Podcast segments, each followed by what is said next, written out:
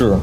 Was hij nep of was hij echt? Dit weekend veel gedoe over een gesprek tussen Nederlandse Kamerleden en deze man. I'm very surprised that pretty much no one tried to check. Een collega van de Russische oppositieleider Navalny.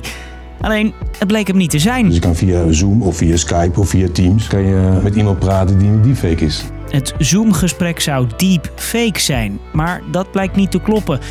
Toch ging het er weer veel over, want wat kunnen we verwachten van deepfake in de toekomst? Het wordt een hele nieuwe wereld. En dit komt komt nu in handen van iedereen. Zowel van de crimineel als eh, de huismoeder. Ik ben Marco en vandaag nemen we een deep dive in een neppe digitale wereld. Lang verhaal kort. Een podcast van NOS op 3 en 3FM. So much of our world today comes to us through these screens.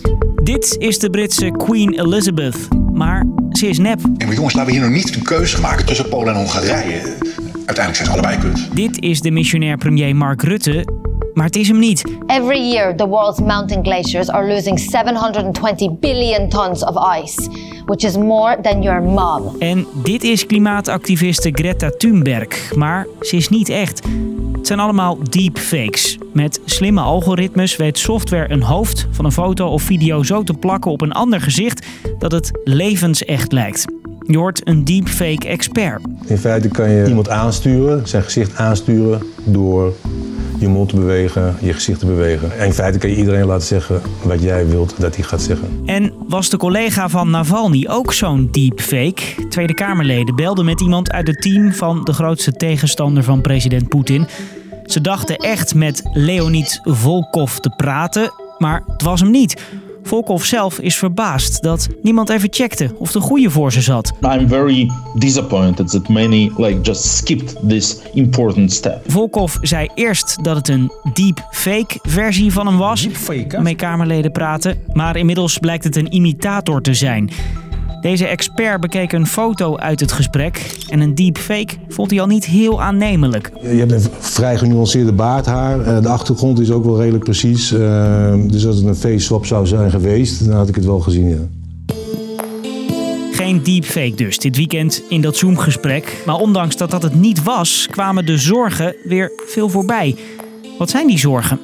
Om te beginnen, we krijgen allemaal meer te maken met deepfakes in de toekomst. Het wordt steeds makkelijker om te maken, want dure software is niet meer nodig, zeggen deepfake-experts Jarno en Theo. Je vroeger een Hollywood studio nodig had om, om dit soort eh, geanimeerde personen te maken. Is dat nu gewoon in je internetbrowser eh, ja, met slepen en schuifjes heel makkelijk te doen? Nou, als je niet meer weet dat het echt is of, of, of nep is, dan zijn de gevaren natuurlijk eh, enorm. Uit onderzoek blijkt dat deepfakes ook werken. Mensen geloven de fake video's.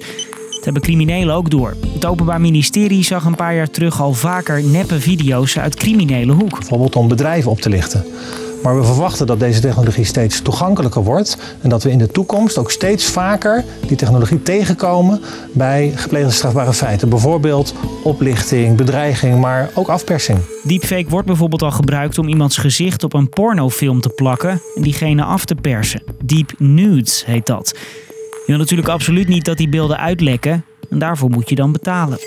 Om deepfakes aan te pakken bestaan er al een soort van virusscanners die de filmpjes doorlichten en kijken of het echt is. Je kan het niet meer zien met het blote oog, eh, dus je moet wel iets hebben om middel om dat te kunnen bestrijden. Maar de techniek gaat zo snel dat het lastig is om bij te houden in de software. Je moet niet vergeten dat die scheidslijn uiteindelijk zo dun wordt dat je het dus ook niet meer kunt eh, bepalen. En wat jij intussen kan doen als je twijfelt achter de Zoom, Skype of Teams, vraag of iemand zijn of haar gezicht even aan wil raken. Of of hij zich even wil omdraaien. In 100% van de gevallen werkt, werkt het niet, een deepfake. Eh, misschien in de toekomst, maar niet.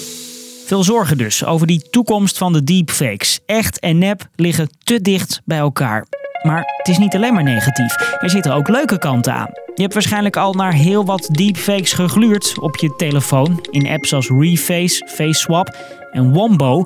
Die laatste is nu populair. Ik vind het echt super tof, want je ziet echt gewoon de uitstraling. En het ziet er echt super leuk uit en zo. Gewoon dat je alleen maar een foto hoeft te hebben. Dan heb je gewoon een filmpje wat helemaal beweegt. In die app upload je een foto en het wordt geplakt op een bekend iemand die bijvoorbeeld een liedje zingt. Mijn mond was eigenlijk veel groter. En ja, dan zie je wel dat het nep is. Het is een onschuldige vorm van deepfake. Maar de techniek wordt zo goed en makkelijk dat je het ook voor serieuze dingen kan gebruiken. Bijvoorbeeld op scholen. Standaard taken van een leraar eh, kun je misschien beter op deze manier verfilmen. Dan kun je als leraar meer gericht onderwijs geven aan de mensen in de klas die het nodig hebben. Het grote voordeel is, je wil een bedrijfsvideo maken of je wil een trainingsvideo of een instructievideo. En een kwartier later heb ik zeg maar mijn eigen video. En het kan ook dat jij liever tegenover een vrouw zit, in een sollicitatiegesprek bijvoorbeeld, dan tegenover een man.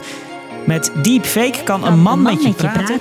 terwijl jij een vrouw hoort en ziet. Dus, lang verhaal kort. Het woord deepfake kwam afgelopen weekend weer veel voorbij na een Zoom-gesprek met een nep-collega van Navalny. Experts waarschuwen voor de donkere kant van de deepfake. Criminelen kunnen het gebruiken om je bijvoorbeeld af te persen. Maar de techniek zorgt ook voor kansen in bijvoorbeeld het onderwijs. Tot zover lang verhaal kort voor vandaag.